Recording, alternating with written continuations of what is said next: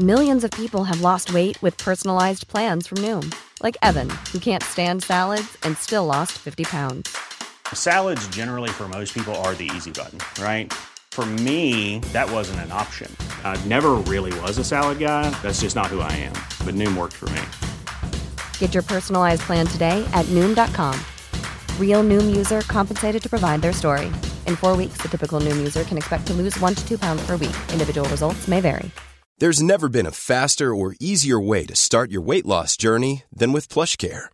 PlushCare accepts most insurance plans and gives you online access to board-certified physicians who can prescribe FDA-approved weight loss medications like Wigovi and Zepbound for those who qualify. Take charge of your health and speak with a board-certified physician about a weight loss plan that's right for you. Get started today at plushcare.com slash weight loss. That's plushcare.com slash weight loss. plushcare.com slash weight loss. Tony Media. Vandaag in Schotschrift. U kunt mij kennen als mediajournalist of columnist bij De Telegraaf... of van mijn podcast Ongefilterd of van mijn snedige tweets. Kitty Herwijer.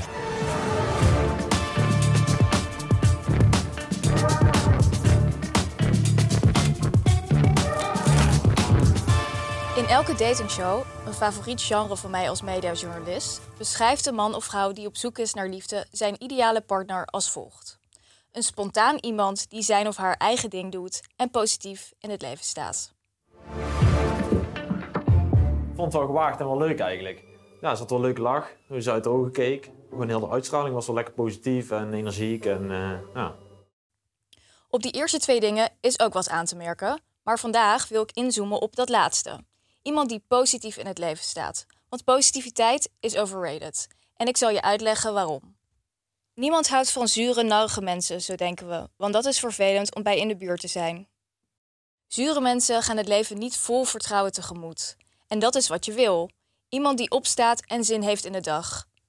Die als een blije labrador tegen het leven opspringt. Nu is er niks wat mij meer irriteert dan een blije labrador. Vooral in menselijke vorm. Het type dat je onderkwelt met zijn of haar onnozele blijdschap.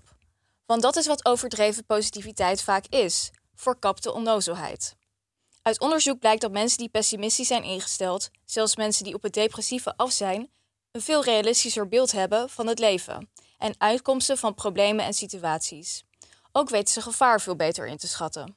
Weten jullie nog, de begindagen van de coronacrisis? Het was geen crisis, maar een kans. Laten we naar de positieve dingen kijken, hoorden we aan elke talkshowtafel. Thank you coronavirus, Instagram de Duitse kroes nog ver voordat ze in het complothol kroop. De wereld zou er beter uitzien na corona. We zouden minder gaan vliegen, leren wat er echt toe doet in het leven. Tot rust komen in onze burn-out cultuur. We zouden dingen anders gaan doen. De Franse schrijver Michel Houellebecq, bekend cultuurpessimist, maakte als enige een alternatieve analyse. Alles zal hetzelfde zijn na corona, schreef hij al snel, alleen een beetje erger. We zijn inmiddels een paar jaar verder. Volgens de WHO zijn er zo'n 15 miljoen doden te betreuren door de coronapandemie. Bedrijven gingen failliet, levens werden verwoest als gevolg van de economische malaise. De wereld is dus eigenlijk precies hetzelfde, alleen een beetje erger. En natuurlijk had Wellebeck gelijk. Pessimisten hebben namelijk 9 van de 10 keer gelijk. Toch hebben mensen het nodig om een bord voor de kop te hebben. Zouden we niet optimistisch zijn en overal gevaar zien, dan zouden we ons bijvoorbeeld niet meer voortplanten. Positiviteit is dus evolutionair ingegeven. Maar er is een verschil tussen gezonde positiviteit en giftige positiviteit. En van dat laatste zien we vandaag veel te veel. Neem een programma als Ik Vertrek. 9 van de 10 keer vertrekken mensen naar het buitenland met een totaal onhoudbaar plan. Dat begint ongeveer zo. Ze vervelen zich in hun saaie Phoenix-leven, besluiten na een geslaagde vakantie in Spanje, Italië of Portugal dat het leven altijd zo zou moeten zijn en storten zich vol overgave in een land waar ze de taal niet kennen en werkelijk overal opgelicht worden. Het maakt niet uit wat voor ellende deze mensen voor de voeten geworpen krijgen. Positief zullen ze blijven. We hebben de afgelopen jaren mensen huizen van papier maché zien kopen, hele families uit elkaar zien vallen, tonnen spaargeld zien verdampen en huwelijken zien stuk lopen. Het komt op Bonaire met bakken uit de hemel. Het is weliswaar 30 graden, maar de midget golfbaan van de Scheetjes staat blank. Zoveel water hebben we echt nog nooit gehad. En dat uitgerekend op zondag. Vaak de drukste dag van de week. Oh mijn god, kijk dan. Speeltuin staat ook helemaal vol. We wouden toch een waterpark? Nou, dat hebben we nou. Maar ze blijven positief. Want dat is wat je kosten wat kost moet doen in onze samenleving. Veel mensen geloven namelijk dat dat de remedie voor veel problemen is. Positief blijven en alle uitdagingen, lees grove ellende, vooral als test zien. Nergens komt deze onrealistische blik op het oplossen van problemen op je pad beter tot uiting dan in de opkomst van de industrie van life coaches, die mensen wijsmaken dat alles in het brein zit. Manifesteer je de weg uit een slechte situatie, roepen ze. En als dat niet lukt, denk je niet positief genoeg. En dan denk je, ja maar Jelle, ik wil positief denken, waar heb je het over? De wereld gaat toch naar de kloten? En je hebt gelijk. Als jij gelooft dat de wereld naar de kloten gaat, dan zie je overal om je heen bewijs dat dat waar is. Maar weet je wat zo grappig is? Als je het tegenovergestelde denkt of gelooft, dan zie je ook overal bewijs van dat dat waar is. Terwijl heel veel mensen eerder een realiteitscheck nodig hebben. Want wat misschien voor 5% van de mensen goed advies is, komt voor de rest neer op kwaadaardige leugens die goedgelovigen aanmoedigen om in het Spaanse BNB-nachtmerrie te belanden.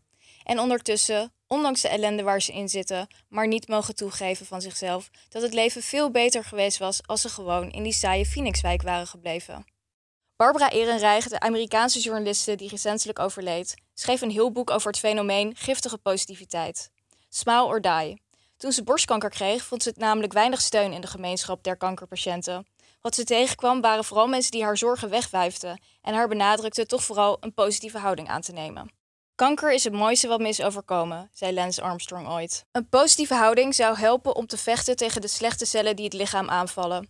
Ooit is er namelijk een onderzoek geweest waaruit bleek dat positief denken je ziekteproces zou kunnen beïnvloeden. Dat onderzoek bleek keul bij herhaling, een voorwaarde voor goed wetenschappelijk onderzoek. Er kwam uit dat positief denken nul invloed had op het ziekteproces. Toch is het een mythe geworden en daarmee worden mensen zelf ergens verantwoordelijk gehouden voor hun genezing. Als je je mentaal maar sterk genoeg verzet, dan kom je er wel uit. Dan ben je een survivor.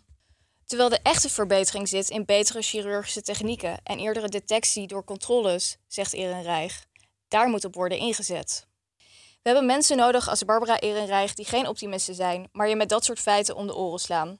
Mensen als Michelle Wellebeck die zeggen dat het gewoon erger wordt. Maar wat gebeurt er nu vaak met 1 op de 10 mensen die brand roepen? Ze worden weggezet als nalge zwartkijkers. En daarmee strooien we onszelf zand in de ogen en voorkomen we het erkennen van daadwerkelijke problemen. Als er een generatie is die zich zand in de ogen heeft laten strooien met giftige positiviteit, is het wel mijn generatie, millennials. Wij zijn de eerste generatie in tijden die het slechter heeft gekregen dan de generatie ervoor. Maar desondanks bleven we jaren geloven dat alles helemaal prima was. Gaf je toe dat het eigenlijk helemaal niet prima is om van flexcontract naar flexcontract te gaan of geen woning te kunnen vinden, dan was je toch een beetje iemand die er niet het beste van aan het maken was, die het zwart inzag. En daarom logen we al die jaren over het feit dat je het niet beter krijgt dan je ouders, dat dat je eigen keuze is. Geen huis kunnen kopen of huren, ondanks dat je jezelf in de schulden hebt gestoken voor een goede studie en fulltime werkt. Bekeer je tot het minimalisme en ga als 30-jarige op 20 vierkante meter wonen met je hond en vriend en noem het een duurzaam tiny house. Positief blijven. Campers waarvan sommige niet eens aangesloten zijn op een goede water- en stroomvoorziening. Omstandigheden waar begin 20e eeuw ooit een woningwet voor werd aangenomen om dit soort leed juist te voorkomen. Maar komt wel goed, dachten we. Laten we het van de positieve kant bekijken. En waarom niet in een auto wonen als je überhaupt geen geld meer hebt voor huur en het verkopen als een lifestyle op TikTok? Why am I homeless? I've only got a minute to nutshell this, so bear with me, guys. I've been homeless by definition most of my adult life. I couldn't afford to go out and get cheap food with friends. I was skipping meals to save money, and I was slowly and steadily going into debt. So I decided to cut my biggest bill out rent. Waren we maar wat pessimistischer en vooral strijdbaarder geweest? Waren we maar opgekomen voor wat we vonden dat ons recht was, waar alle generatie voor ons zonder gêne de straat voor opgingen? Om het gewoon af te dwingen. Waren we maar minder positief geweest, dan zaten veel mensen nu niet opgeschreven in hun tiny houses met flexcontract te spelen dat we het werkelijk geweldig voor elkaar hebben. Normaal gesproken nemen columnisten alleen de maatschappij onder schot. Maar in schotschrift nemen we direct daarna ook de columnist onder schot. Kitty, Willem. ben jij eh, een pessimist? Ehm, nee. Dus eigenlijk eh, is er voor jou ook nog wel heel veel ruimte om te groeien. Als ik Zeker. je eigen column zo lees. Zeker, zeker. Maar goed, kijk, het echte punt ligt natuurlijk altijd genuanceerder. Ik denk dat het goed is om ehm, stevige stelling te nemen. eh, omdat er te veel optimisme is. Maar een vorm van optimisme is goed. Maar het is heel slecht als mensen zichzelf gaan overschreven met optimisme, die niet oprecht is, denk ik. Dan wil ik niet meteen eh, richting een hele concluderende manier van spreken, of juist wel. Maar zeg je daarmee niet eigenlijk dat eh, het vooral een probleem is als mensen zich helemaal volledig op willen trekken aan optimisme en denken dat ze daarmee ver komen? Nou, vooral denk ik op ehm, dat er geen ruimte is voor ehm, pessim- pessimisme en breder dat er geen ruimte is voor zorgen. Dus op het moment dat mensen dingen uiten of zorgen uiten of misschien echt realistische problemen, dat er een neiging is om dan te zeggen, ja, maar zo'n vaart loopt het niet. Of laten we het van de positieve kant bekijken. En ik denk dat dat oprecht eh, gevaarlijk Heb je is. daar een voorbeeldje van? Maak je dat wel eens mee? Nou, ik- bijvoorbeeld eh, in de coronacrisis denk ik in het begin dat er echt heel erg die neiging is. En het is misschien ook heel menselijk om dan te willen denken van... oh, dit is echt iets wat kansen of zo biedt. En dat hebben mensen op dat moment nodig. Ik had het echt helemaal niet, want ik was toen heel erg bezig met optreden als muzikant. Ja, En toen had je gewoon echt gewoon helemaal geen kansen. ja, ja. Maar ik heb je niet het idee dat eh, in onze generatie... dat mensen het lastig vinden om ehm, te zeggen dat het dan... Ja, dat dingen gewoon heel erg kut zijn. Omdat ze dan het idee hebben van... ja, maar ik, ik wil niet negatief zijn. Dat zeggen mensen ook heel vaak. Ik wil niet negatief zijn. En dan denk ik, waarom niet? Soms zijn dingen gewoon negatief. Soms is alles kut. Het is goed om dat, beter om dat gewoon toe te geven. En dan vanuit daar kun je weer verder. Eh, ik herken er wel iets in. Het lijkt soms wel alsof mensen zich heel bezwaard voelen om met negativiteit aan te komen. Alsof Ja. En, maar dat zie ik ook niet helemaal zwart-wit. Want dat, dat, dat, dat, eh, daar is ook wel onderdeel van dat je iemand niet wil belasten. Mm. En dus als je dat 0% zou hebben, zou het ook niet goed zijn. Want dan krijg je namelijk. Je hebt ook weer van die mensen, misschien zijn, is dat een, een kleinere groep. Die juist heel grenzeloos zijn. In de hele dag aan je gaan hangen met alles waar, wat ze maar tegen zit. En dan zie je wel een voorbeeld van hoe kut het zou zijn als iedereen de hele dag pessimistisch is. Want dan word je echt helemaal leeggezogen. Ja, Het, uiteindelijk gaat het natuurlijk iemand belasten als er geen filter is en geen grens. Dan verliest het wel heel snel zijn, zijn functionaliteit. Waar- Waarvan ik wel best eh, wil inzien dat die er natuurlijk ook is. Andersom, als je nooit uit wat er kut is, ja. ja, wat, waar, wat valt er dan te reflecteren, Kitty? Uit jij zelf vaak eh, dat dingen kut zijn? Ik hou me niet in, nee. Nee? Dus jij, jij hebt niks te leren van deze column? Ik heb van deze column inderdaad weinig te leren. Ehm, ik had wel een, een paar punten waar ik eh, met jou samen naar wilde kijken. Oké. Zo zag ik je hier bijvoorbeeld op een gegeven moment schrijven. Zure mensen gaan het leven niet vol vertrouwen tegemoet. En dat is wat je wil. Iemand die opstaat en zin heeft in de dag. Die als een blije labrador tegen het leven opspringt. Ja. Later zei je nog... eh, uit onderzoek blijkt dat mensen die pessimistisch zijn ingesteld... zelfs mensen die op het depressieve af zijn... een realistischer beeld hebben, et cetera. Ik kreeg het idee dat je daar toch instelling en stemming... tot één geheel hebt gemaakt. Terwijl dat, hoewel dat vaak natuurlijk eh, in elkaar overloopt... of overeenstemmig kan zijn, losse dingen zijn. Eh, iemand die echt wel pessimistisch is, misschien door ook heel veel realisme, zoals jij dat eh, ook op een gegeven moment aangeeft, kan natuurlijk ook gewoon een hele opgewekte persoon zijn. Die heel veel opstaat en zin heeft. Ik heb een leuke dag, ik heb een fijn dagritme. Ik heb er echt zin in. Ja, maar ik denk dat heel veel mensen dat niet zo ehm, zien. Als je bijvoorbeeld iemand als Maarten van Rossum, zou je hem kwalificeren als een positief persoon? Nee, maar ik, ik kan niet zeggen of hij dan bijvoorbeeld opstaat en ook elke keer dacht, denkt van, oh, weer een, een dag me door het leven heen slepen. Het, lijkt me niet dus wel raar wat- dat hij gewoon zin heeft. Ja, wat een leuk, ik heb een leuk Ja. programma vandaag. Maar ik denk dus wel dat heel veel mensen denken, daarom is het ook iets wat nadrukkelijk zo wordt gezegd in datingshows. Het gaat altijd over iemand die positief in het leven staat. Altijd wordt dat gezegd. Dus het is echt iets waar je op moet letten. Ehm, dus je denkt van, oh ja, dat, dat, ik denk wel dat dat is het beeld wat mensen erbij hebben. Dus mensen die eh, ja, niet positief zijn, die hebben geen zin in de dag of zo.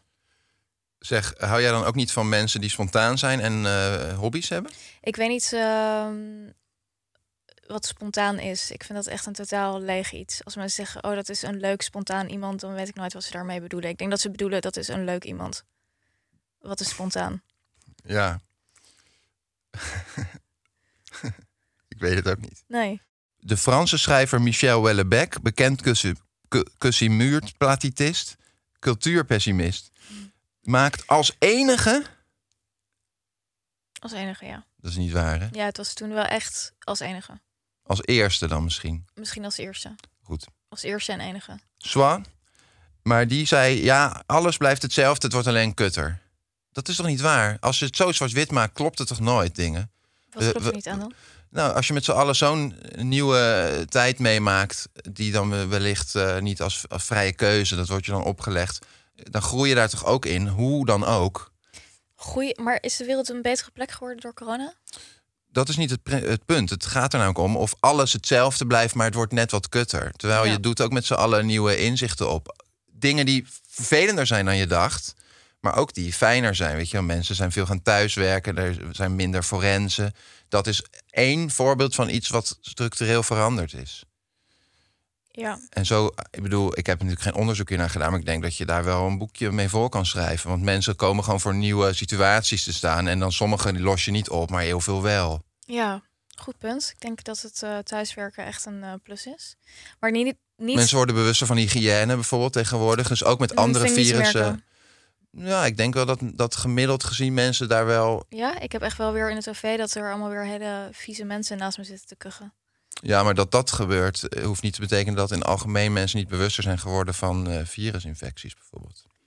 Ik vraag me af. Maar ik denk wel dat over het algemeen dat Wellebeck een heel goed punt had. En het was Mhm. zeker ook in die tijd waarin iedereen dus de hele tijd... Waarin dat het populaire sentiment was om te zeggen van... ja, maar we kunnen hier zoveel uithalen. En, Eigenlijk ehm, erger je vooral gewoon aan het feit dat niemand toch wil zeggen van dit is het kutste ooit wat ik ooit heb meegemaakt. Dat mag dan niet. Dan moet je weer zeggen, oh, het is een kans en dan ben je een goed mens. Als je alles ziet als een, eh, als een mogelijkheid tot groei. Ja, er was toch ook zo'n uitspraak van... ehm, wat is het? Every crisis is an opportunity of zoiets. Is dat niet waar dan? Nee, soms is een crisis ook gewoon een crisis. En dan soms is het ook beter om gewoon even te blijven in zeg maar, dit is nu een crisis en dit zijn de problemen en we moeten nu gaan denken hoe we deze problemen gaan oplossen in plaats van dat mensen er overheen gaan en dus helemaal raar in zo'n soort van thank you coronavirus en ja, zo op een heel geforceerde manier ehm, positief willen blijven. En dat doen mensen ook wel eens in persoonlijke situaties. Dus ook inderdaad wat Barbara Ehrenreich schrijft... op het moment dat ze kanker krijgen. Um, en daardoor sluit je denk ik een heel belangrijk deel van bepaalde emoties af... die gewoon heel menselijk zijn, die je dan niet mag voelen. Um, en dan word je eigenlijk gedwongen om, om jezelf te overschreeuwen. En ik denk dat dat, dat heel kwalijk is. Dat vond ik een van de punten in je column waar ik het het meest hardgrondig mee eens was. Ja. Omdat het walgelijk is als je gewoon iemand die iets heel ingrijpends doormaakt, wat dan ook oplegt. Ja. Want er zijn misschien ook mensen heel erg bij gebaat om daar super positief, een beetje wegdromerig mee om te gaan. Misschien komt dat hen ten goede. Maar voor anderen moet natuurlijk wel ruimte zijn om gewoon daar ongelooflijk kut door te voelen. En gewoon Ja. even helemaal nergens meer zin in te hebben. Ja. Stel dat je dan dat met niemand mag uiten, dan word je ook nog eenzaam. Ja, of dat mensen dan altijd vanuit een goed hart natuurlijk zeggen van... ja, maar dat gaat niet gebeuren. Maar, maar ja, dat, dat weet je gewoon niet. Zeg maar bijvoorbeeld als je ziek wordt en ja, je gaat misschien dood... ja, dan wil je dat misschien ook gewoon bespreken met mensen... in plaats van dat mensen tegen je zeggen... dat wordt ook vaak gezegd door mensen die ziek worden... dat mensen dan meteen tegen je zeggen van... ja, maar dat gebeurt niet. Of maak je geen zorgen, bij jou komt het goed. Ja, ik ben het hier wel heel erg mee eens. Dus eigenlijk gaat het. eh, wat ik vaak vind is dat als je dealt met post met reële, super negatieve scenario's, zit Ja. daar heel veel verwerking in. En eh, is dat vaak iets wat in mijn optiek heel erg relativeert. Ja. Dus het overdenken van dat je misschien wel doodgaat, Ja. misschien ook niet, is volgens mij wel gezond. Maar dat is dus het onderscheid. En daarom is dat boek van Ehrenreich dus zo sterk. Omdat het gaat over giftige positiviteit. Dus het is wel goed om een soort positieve instelling te hebben. Maar dat, dat overschreeuwen, dat is de giftigheid erin. En zij zegt, ja, Amerika is eigenlijk de geboortegrond daarvan. Want daar moet iedereen de hele tijd, ja, smile or die. Precies zoals dat boek heet. Daar moet iedereen de hele tijd blij zijn en eh, positief zijn. Zelfs de zwervers in Amerika zijn positief. Het is echt het is wel prettig voor mensen, denk ik. Ehm, maar dat vond ik, vond ik echt opvallend. Ik heb ehm, best veel tijd gespendeerd in Amerika. Eh, ik heb er een paar maanden gewoond ook. Ehm, en dat was echt opvallend. Dat zwervers zelfs gewoon... terwijl ze zitten best wel een shit situatie. Maar toch, dat Amerikaan, die Amerikaanse manier van denken... dat is zo sterk... dat zelfs in zo'n situatie dat je nog een soort van. Maar waar is dat kantelpunt dan? Ik vind trouwens een fantastische term, giftige positiviteit. Heb ik ook, misschien leuk om even te laten zien, heb ik er ook bij gezet. Top heb ik erbij gezet, leuk, omdat ik dat leuk, aan wilde leuk halen. complimentje. Ja, en precies toen ik het blad omsloeg, begon jij erover. Ik vond het echt een heel bijzonder moment. Ik heb het Mhm. alleen zelf gevoeld, niemand krijgt dit mee. Eh enfin, kijk, waar is het kantelpunt? Als je heel positief ingesteld bent en het, en het laat je levenskwaliteit verbeteren, omdat je zeg maar je instelling eh, lichter van aard is, is daar dan een keerzijde van? In het geval van zo'n eh, dakloze bijvoorbeeld. Nou, misschien heeft die dakloze het op dat moment nodig ehm, om positief te blijven. Maar ik denk voor veel mensen dat het ook een soort ontkenning is van bepaalde problemen.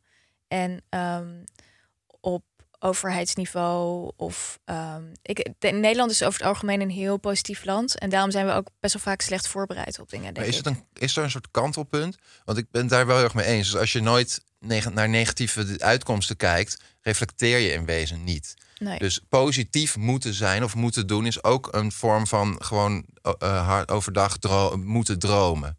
Je moet dus dingen vervormen, anders wordt het, is het niet allemaal positief. Ja, maar je hebt natuurlijk ook verantwoordelijkheden. En als je dus bijvoorbeeld kijkt naar, nou goed, de Nederlandse overheid. En er zijn heel veel ehm, ehm, analyses geweest dat bijvoorbeeld bij een pandemie of bij eh, allerlei andere soorten Maar gebeurtenissen. even, waar- ja, maar ik hoor je. Ja. Maar bij een organisatie of zelfs een overheid werkt het natuurlijk wel heel anders. Die moeten gewoon Nee, maar balans dit- nee, opmaken maar en maar dat- analyseren. Dat, dat, is dus niet zo, want cultuur Mhm. is, heeft extreem veel invloed. Dus de mensen die eh, aan het roer staan, die zijn ook beïnvloed door die cultuur. Dus als de mensen de beslissingen nemen die ook op zo'n manier denken... en dus ook niet denken op een realistische en soms pessimistische manier... dan krijg je dus echt problemen. En dat zie je dus ook op het moment dat er... ehm, nou goed, inderdaad, eh, gewoon analyses liggen van... als er een pandemie uitbreekt, heeft Nederland een heel groot probleem... met alle bezuinigingen op de zorg en zo. Ehm, en dat is dan gebleken. Het is allemaal zo algemenig, zo abstract. Ja, Ik heb wel echt behoefte aan iets heel concreets. oké. Dus Eh. wat, wat is goed, waar is het goed om negatief over te zijn, bedoel je? Ik vind het interessant om te kijken naar de functies ervan. Ja. Want het is natuurlijk niet zwart-wit. Hebben we al denk ik best wel veel over gepraat. Dus eh, altijd Nou ja, positief, even- altijd negatief, dat werkt niet. Ik heb wel een eh, concreet voorbeeld. Als je bijvoorbeeld, nou waar ik het ook, wat ik ook in de column zeg. Er zijn hele grote crisissen, crisissen, crisis. Dat mag volgens mij allebei. Kies maar wat fijn voelt. Ehm crisis is lekker gymnasium. Ja, vind ik ook heerlijk. Ja. Ja. Ehm, maar bijvoorbeeld zoiets als woningen. Dus heel veel mensen kunnen geen woning, woning vinden. Nou, dat is al heel lang aan de gang. Ehm, en dat is dus iets wat mensen zichzelf dan opleggen om daar dus niet over te klagen. Dus om dus niet daar moeilijk over te doen. Of over een flexcontract bijvoorbeeld. Dat is gewoon echt een hele slechte deal die wij hebben gekregen. En toch zie je dat heel veel mensen zichzelf wijsmaken vanuit die positiviteit. Van ja, ik moet toch van de goede kant ehm, inzien. En ze willen ook geen gezichtsverlies leiden. Dat ze dan gaan vertellen van... Oh, maar ik ben echt super blij, want het is echt heel flexibel. Eh, terwijl heel veel ZZP'ers krijgen een burn-out... omdat ze gewoon gigantisch veel moeten werken om ja, eh, het hoofd boven water te houden. Dus dat zijn allemaal giftige vormen van positiviteit. En dat zie je ook in de woningmarkt heel sterk. Dat heel veel mensen dat heel lang niet hebben durven toegeven. Van Is dat giftiger dan dat er een vorm van misleiding in zit? In zit ingesloten? zelfmisleiding. Ja. Ja. En dan zeg maar bijvoorbeeld ook als ik mensen zie, dus in tiny houses, en dan zie ik van die video's van kom kijken in mijn tiny house, dan denk ik echt, ik geloof gewoon niet dat mensen het prettig vinden om op 20 vierkante meter te wonen. Eh, in, op een dertigste. En dan wordt dan echt gedaan. Dus echt van die Pipo de Clown campers zijn het. En dan wordt dan gedaan alsof dat echt iets heel leuks is. Iets heel prettigs. Dat, dat je dat echt helemaal fantastisch vindt. En dan denk ik echt. Ja, het is gewoon een, een, dat soort dingen als minimalisme. Dat wordt ook heel erg aangepast op ehm, de beperkte mogelijkheden. En dat is een soort van positiviteitsfuik waar je dan in loopt, loopt. En dat wij dan denken van, oh ja, ja, kijk, kijk, ik vind het eigenlijk... Is het niet dat, dat mij dat niet gegund is in de maatschappij... of dat ik, ja, dat de markt, de woningmarkt zo fucked up is... dat ik dat gewoon allemaal niet kan betalen. Nee, ik wil dit, zeg maar. Dat, dat is totale Soort dat je het meeste? Want ik zit, eh, terwijl je dit vertelt, begon ik erover na te denken dat er is ook een soort kantelpunt bij. eh, soms is het denk ik wel praktisch om te zeggen, ik ga hier gewoon het beste van maken. Wat ik Ja maar, nu maar geef- kan. ja, maar het is dan wel goed, denk ik, om toe te geven dat je het eigenlijk niet zou willen. Ja, dus je- dat is eigenlijk de crux van dit specifieke punt. Ja, natuurlijk moet je er altijd het het beste van maken is. als je eenmaal in een situatie zit. Maar als er veel meer mensen, denk ik, eh, van onze generatie... Jij bent ook een millennial, toch? Eh, ja, Ehm, van onze generatie gewoon ehm, eerder ehm, ja, niet, niet zo waren blijven hangen in van nee, dat is allemaal wel goed en prima en positieve levensstijl en lekker in mijn tiny house wonen en flexcontract en lekker flex, aan niks gebonden. Ik denk dat er dan echt ehm, en als je meer gewoon ontevredenheid had gehad of pessimisme over oké, dit gaat helemaal niet, niet de goede kant op, dan waren misschien veel meer mensen politiek actief geworden of als ze op een, een andere manier geprobeerd invloed uit te oefenen in plaats van dat je blijft hangen in die ja, giftige. Is het niet een kijk. beetje zo dat jij vooral stoort aan de positiviteit? Want het lijkt wel alsof we nu pessimisme of negativiteit op, zoeken we naar een soort vorm om dat tot heel paradoxaal weer tot iets positiefs te maken. Mhm. Maar is het niet het gebrek aan reflectie waar het hem allemaal aan schort? En dat het objectiever zijn of observerender, dat daarin de kwaliteit schuilt. Want negatief of pessimistisch zijn kan uiteindelijk ook net zo gekleurd zijn als heel positief zijn. Dan gaan mensen soms ook eh, van eh, niet meer uit van de mogelijkheden om dingen op te lossen. En dat hangt ook samen met pessimisme. Ja. Eh, heb je daar gedachten? over? ja, maar het gaat dus inderdaad, zoals je zegt, het gaat vooral om die giftige positiviteit. Dus het gaat gewoon om een giftige manier die je eigenlijk weerhoudt om problemen op te lossen. Terwijl je denkt dat dus positiviteit je iets brengt, maar heel vaak brengt het je misschien ook gewoon helemaal niks. Gaat het je dan te ver als ik dat zelfs een beetje aan elkaar gelijk ga stellen? Want giftige negativiteit is uiteindelijk net zo verstikkend, toch? Ja, tuurlijk. Het is, het is heel irritant als iemand altijd alleen maar negatief is. Dat, dat is ook zo. Ik begrijp denk ik wel echt je column, want je stoort je gewoon aan een cultuurtje van elkaar allemaal opleggen de hele dag, alles weglachen en anders ben je gewoon geen leuk mens en Ja. dan eh, heeft niemand wat aan je. Ja. Ik heb nog een paar korte punten. Waren we maar wat pessimistisch en vooral strijdbaarder geweest, schrijf je op een gegeven moment. Ja. Hoezo hangt strijdbaarheid eh, vast aan pessimisme? Is dat niet juist, ik heb hoop, dus ik ga alles geven? Strijden! Ja, dat, daar heb je wel een goed punt eigenlijk. Ehm, ja, dat is wat ik. eh, ja, dus net als je op het moment met die flexcontracten en tiny houses, dat we inderdaad gewoon. Ja, waren we maar, hadden we daar maar niet het beste van gemaakt. Waren we maar strijdbaarder geweest. Ja. Dat bedoel ik daarmee. Ja. Touché! Ja? hey, eh, Kitty. Terwijl de echte verbetering zit in betere chirurgische technieken en eerdere detectie door controles. Daar moet worden op, op worden ingezet.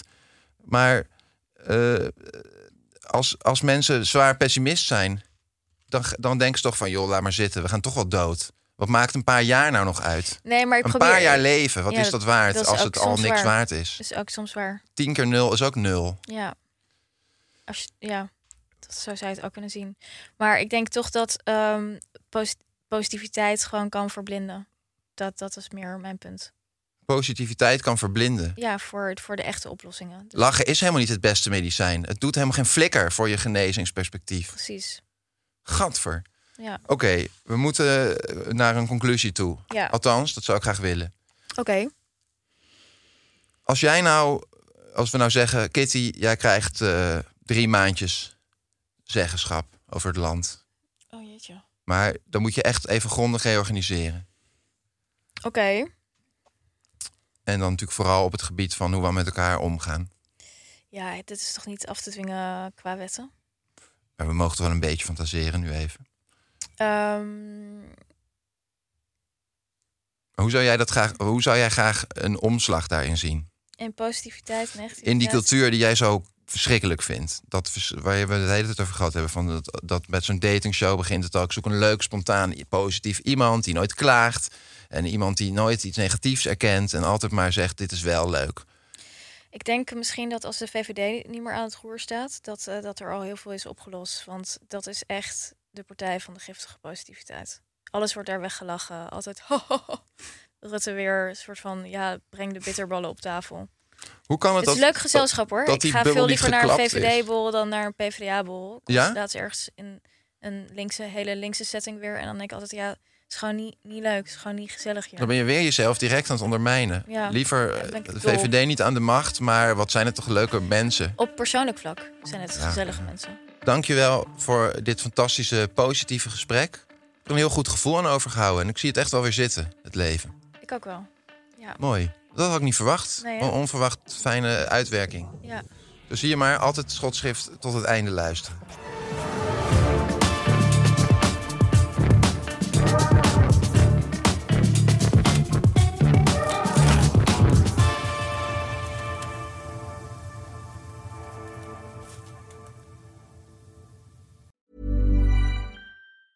Even when we're on a budget, we still deserve nice things. Quince is a place to scoop up stunning high-end goods for 50 to 80% less than similar brands. They have buttery soft cashmere sweaters starting at $50, luxurious Italian leather bags, and so much more. Plus, Quince only works with factories that use safe, ethical, and responsible manufacturing. Get the high-end goods you'll love without the high price tag with Quince. Go to quince.com slash style for free shipping and 365-day returns. Hey, it's Paige DeSorbo from Giggly Squad. High quality fashion without the price tag. Say hello to Quince. I'm snagging high-end essentials like cozy cashmere sweaters, sleek leather jackets, fine jewelry, and so much more. With Quince being 50 to 80% less than similar brands. And they partner with factories that prioritize safe, ethical, and responsible manufacturing. I love that. Luxury quality within reach. Go to quince.com slash style to get free shipping and 365 day returns on your next order. Quince.com slash style.